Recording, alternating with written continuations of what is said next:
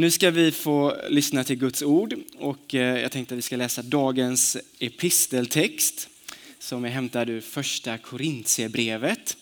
Ty liksom kroppen är en och har många delar och alla de många kroppsdelarna bildar en enda kropp så är det också med Kristus. Med en och samma ande har vi alla döpts att höra till en och samma kropp vare sig vi är judar eller greker, slavar eller fria. Och alla har vi fått en och samma ande att dricka. Kroppen består inte av en enda del utan av många. Om foten säger jag är ingen hand, jag hör inte till kroppen, så hör den lika fullt till kroppen. Om örat säger jag är inget öga, jag hör inte till kroppen, så hör den lika fullt till kroppen. Om hela kroppen var öga, vad blev det då av hörseln? Om allt var hörsel, vad blev det då av luktsinnet? Men nu har Gud gett varje enskild del just den plats i kroppen som han ville. Om allt sammans var en enda kroppsdel, vad blev det då av kroppen? Nu är det emellertid många delar men en enda kropp. Ögat kan inte säga till handen, jag behöver dig inte. Och inte heller huvudet till fötterna, jag behöver er inte. Tvärtom, också de delar av kroppen som verkar svagast är nödvändiga. Och de delar av kroppen som vi inte tycker är fina, de gör vi så mycket finare. Och de delar vi skäms för omger vi med så mycket större anständighet något som de anständiga delarna inte behöver. Men när Gud satte samman kroppen lät han de ringare delarna bli särskilt ärade för att det inte skulle uppstå splittring inom kroppen och för att alla delarna skulle visa varandra samma omsorg. Lider en kroppsdel så lider också alla de andra. Blir en del hedrad så gläder sig också alla de andra. Så lyder Herrens ord. Gud, vi tackar dig. Varsågod och sitt. Vi, vi ber igen tillsammans. Herre, vi tackar dig för att du kommer eh, i ditt ord, Herre. Tack för att du är här för att tala till oss den här stunden, Fader. Tack för att du är en personlig Gud som känner våra hjärtan och du ser precis det som vi behöver höra i den här predikan, Herre. Tack för att du är här med din ande.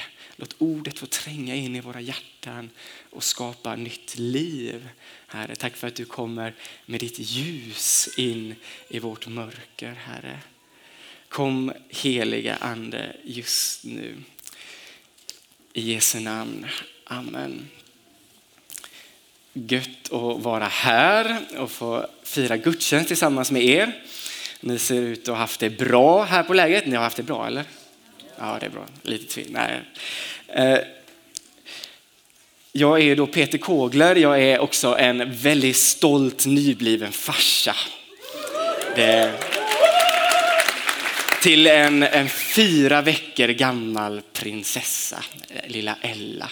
Det är helt otroligt. Det är en egoboost det här att få barn. Jag var på bröllop igår och så gick man där som pappa och vaggade den lilla dottern. Så här. Och alla som gick förbi tjuvtittade eller tittade väldigt uppenbart. Yes, det här är min dotter. Det är fint att vara pappa. Kan rekommenderas. Eh, man får också lära sig mycket nytt. Så här, hur får man vardagen att gå ihop? Allt det där som man brukade hinna, hur hinner man det? Man förbereder predikan mellan blöjbyten. Eh, till slut fick jag sitta med datorn i knät och skriva predikan. Så om det verkar fullständigt förvirrat det jag säger idag så vet ni varför ni får skylla på min dotter Ella. När Paulus talar om, om kyrkan idag så målar han en, en fantastisk vision, en bild för vår inre blick. Han säger så här, med en och samma ande har vi alla döpts att höra till en och samma kropp. Vare sig vi är judar eller greker, slavar eller fria. Paulus talar om att kyrkan är en ny gemenskap. Något fullständigt nytt jag tror att det var väldigt radikalt i den tiden att tala om kyrkan som en kropp.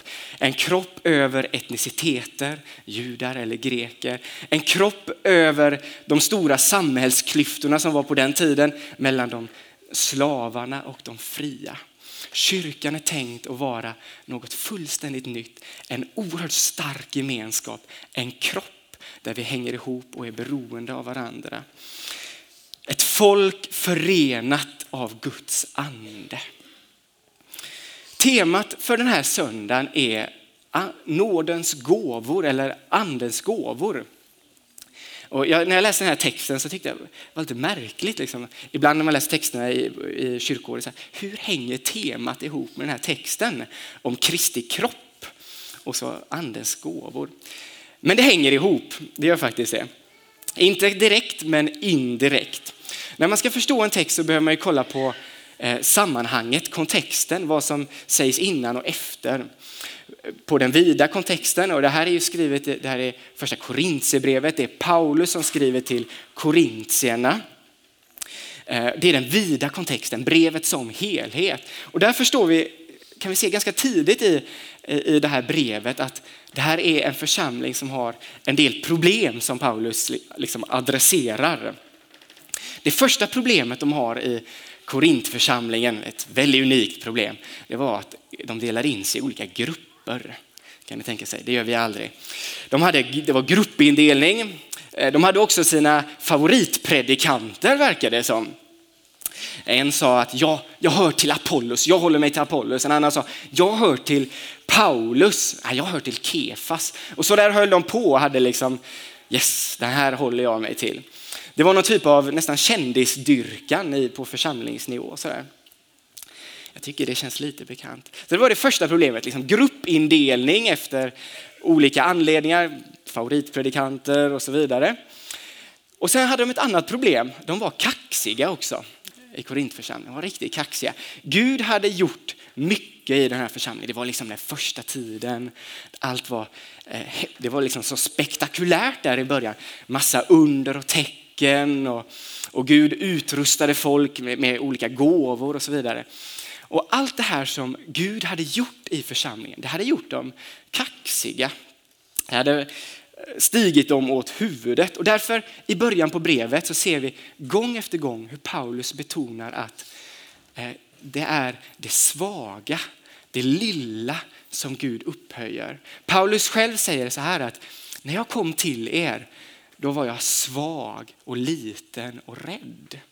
Jag tror det är kontrast till den här uppblåsta kaxigheten som fanns i Korintförsamlingen.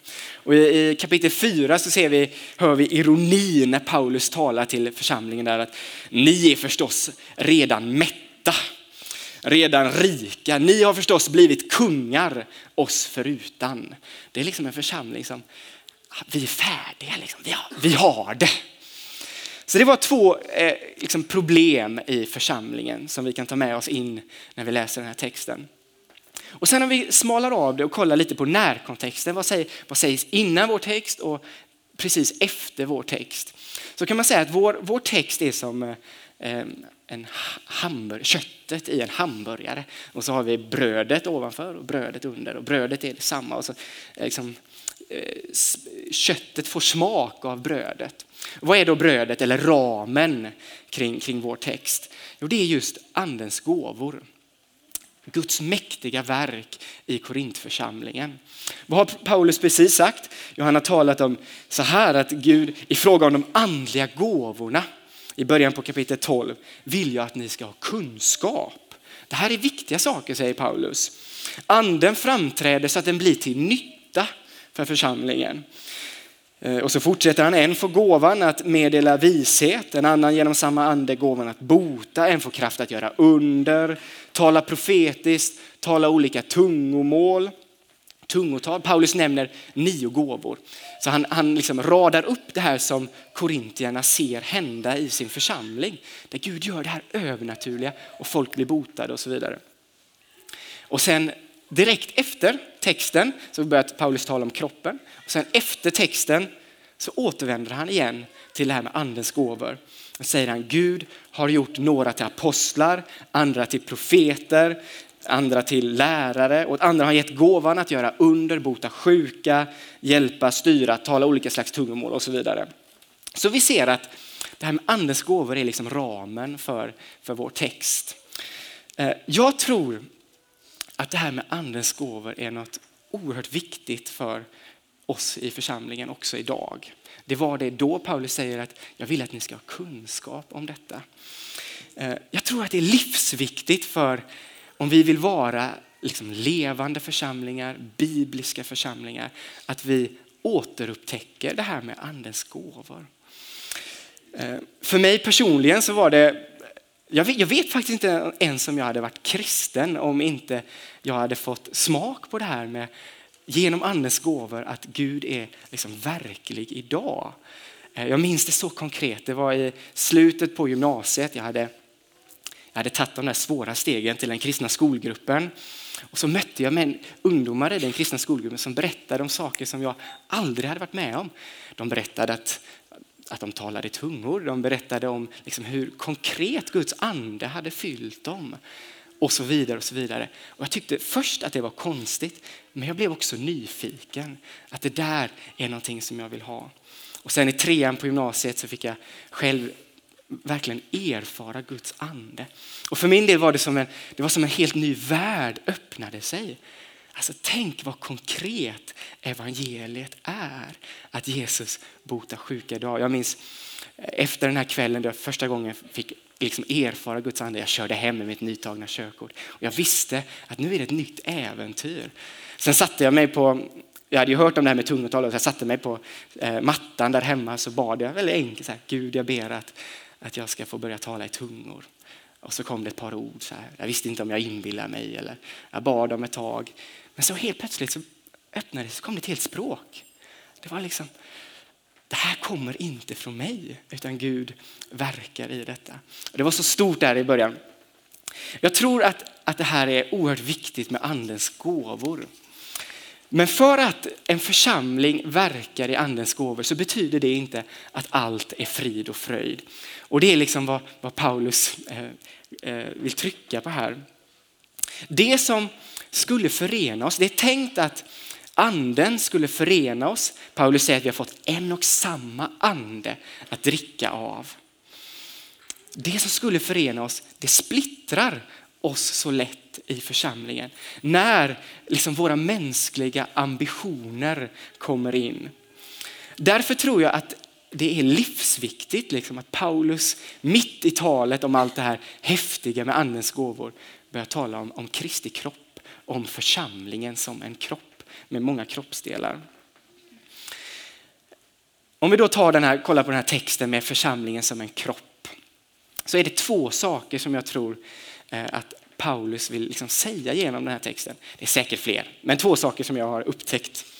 Och det, det första som han börjar i Paulus, det är det andliga missmodet. Det andliga missmodet eller den andliga uppgivenheten. Han säger så här, om foten säger jag är ingen hand, jag hör inte till kroppen, så hör den lika fullt till kroppen. Alltså Paulus beskriver en fot som, som säger att jag, hör, jag känner att jag inte hör till kroppen.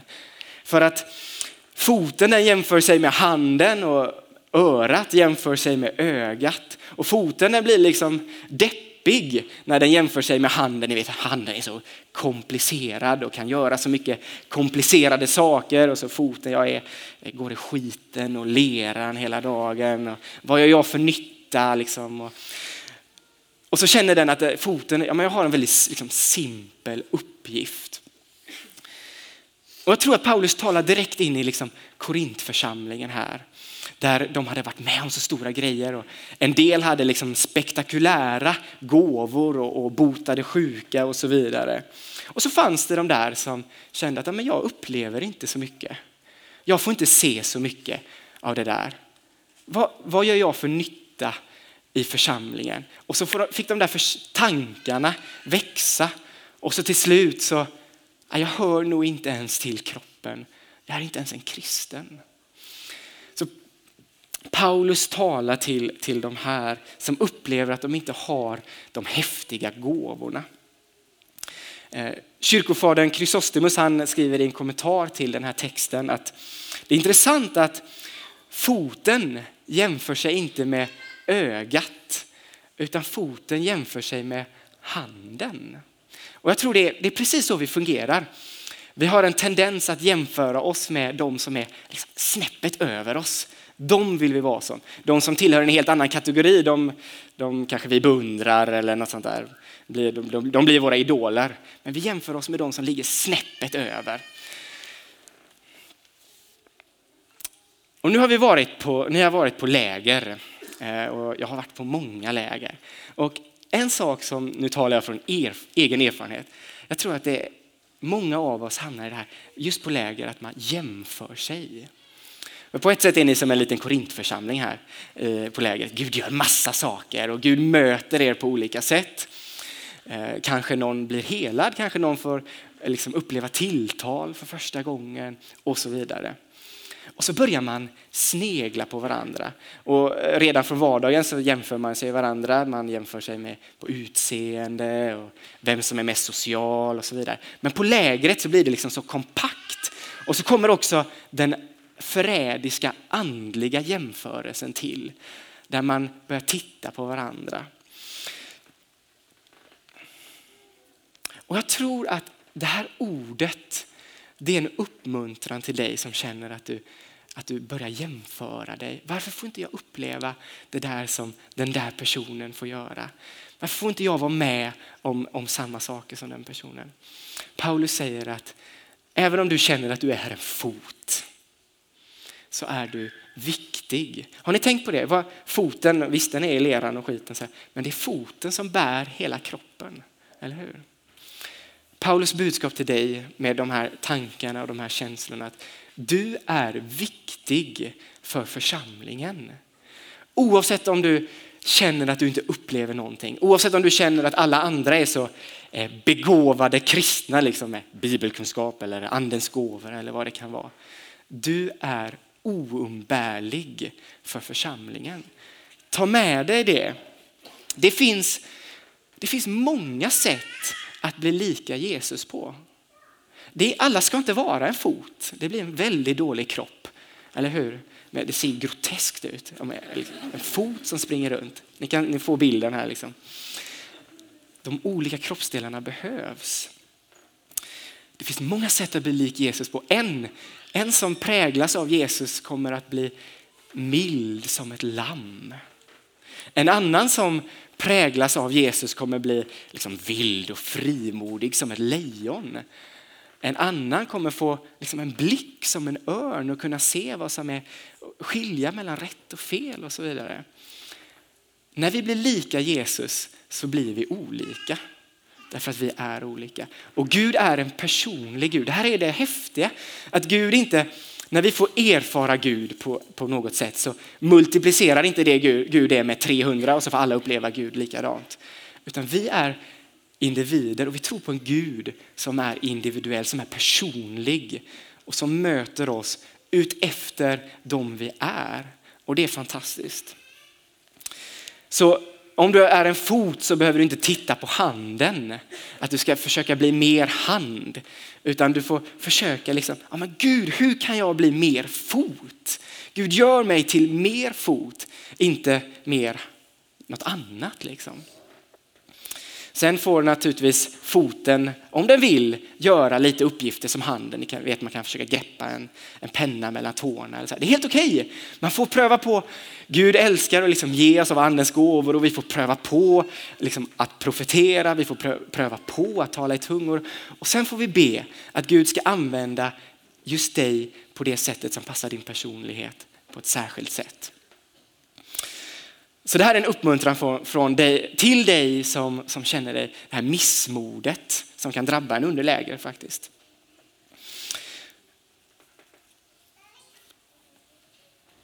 Och sen vänder sig Paulus, efter att han har talat då om det andliga missmodet, så vänder sig Paulus och börjar tala om andra sidan på myntet.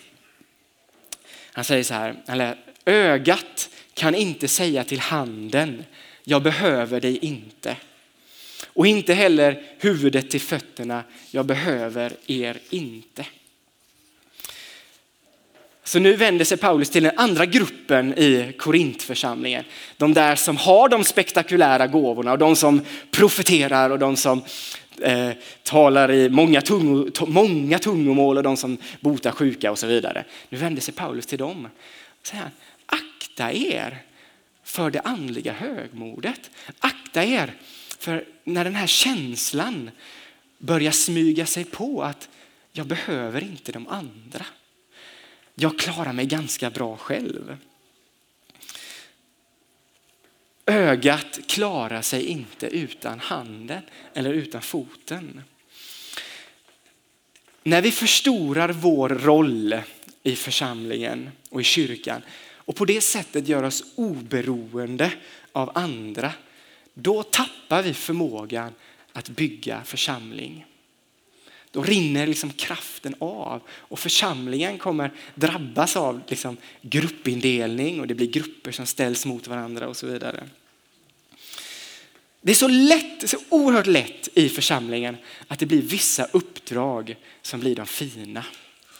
Ehm, det här kanske, att stå på scenen, det är det fina. Det är att vara öga. Liksom, att stå här. Eller att leda lovsång. Det är de, där, de är alltid så ascoola de där som leder lovsång. Om jag ändå bara kan få leda lovsång en dag. Och så blir det vissa uppdrag som blir de häftiga. Den här texten är så tydlig med att men, försök, försök bara släppa det där. Att Gud vill använda mig precis som jag är. Och är jag en fot så behöver jag inte försöka bli en hand och så vidare.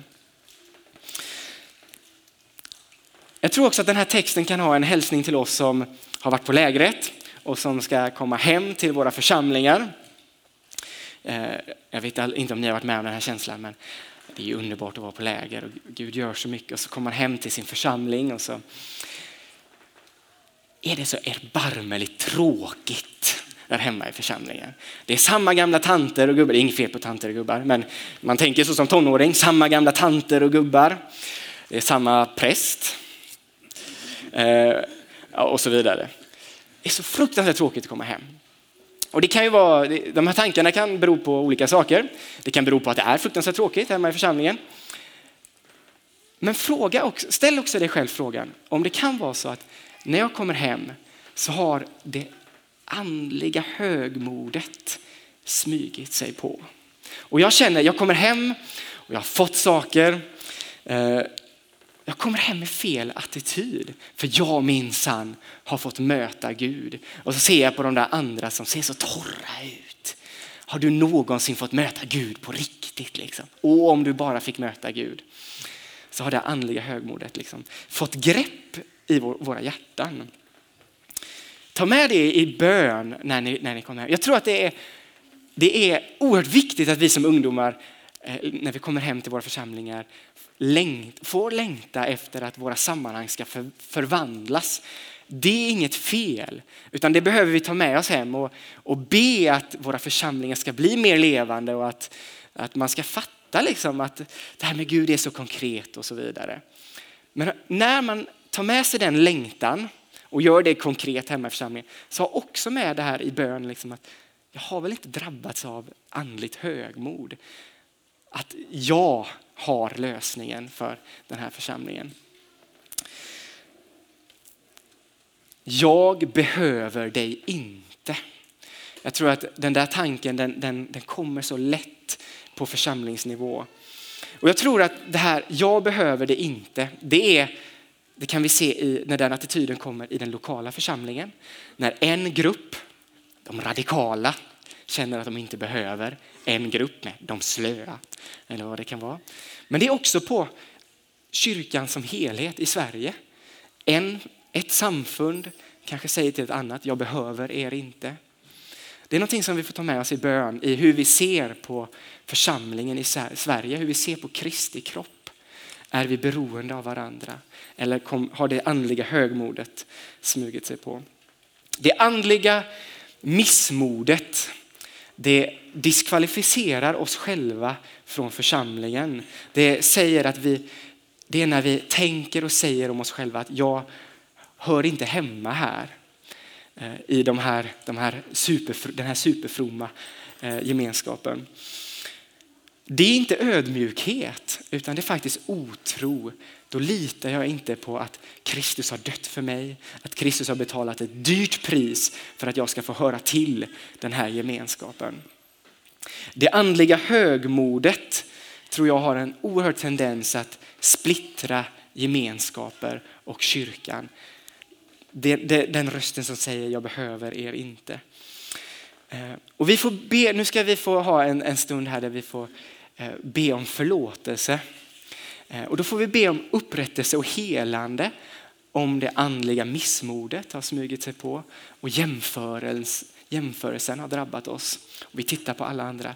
får vi be om helande. Gud kom och möt mig här och låt mig förstå att jag hör till församlingen. Och om det andliga högmodet smyger sig på, oftast vet man inte att man är, har det andliga högmodet. Så, eh, jag tror faktiskt man får be Gud att vi, liksom, visa, ransaka mitt hjärta.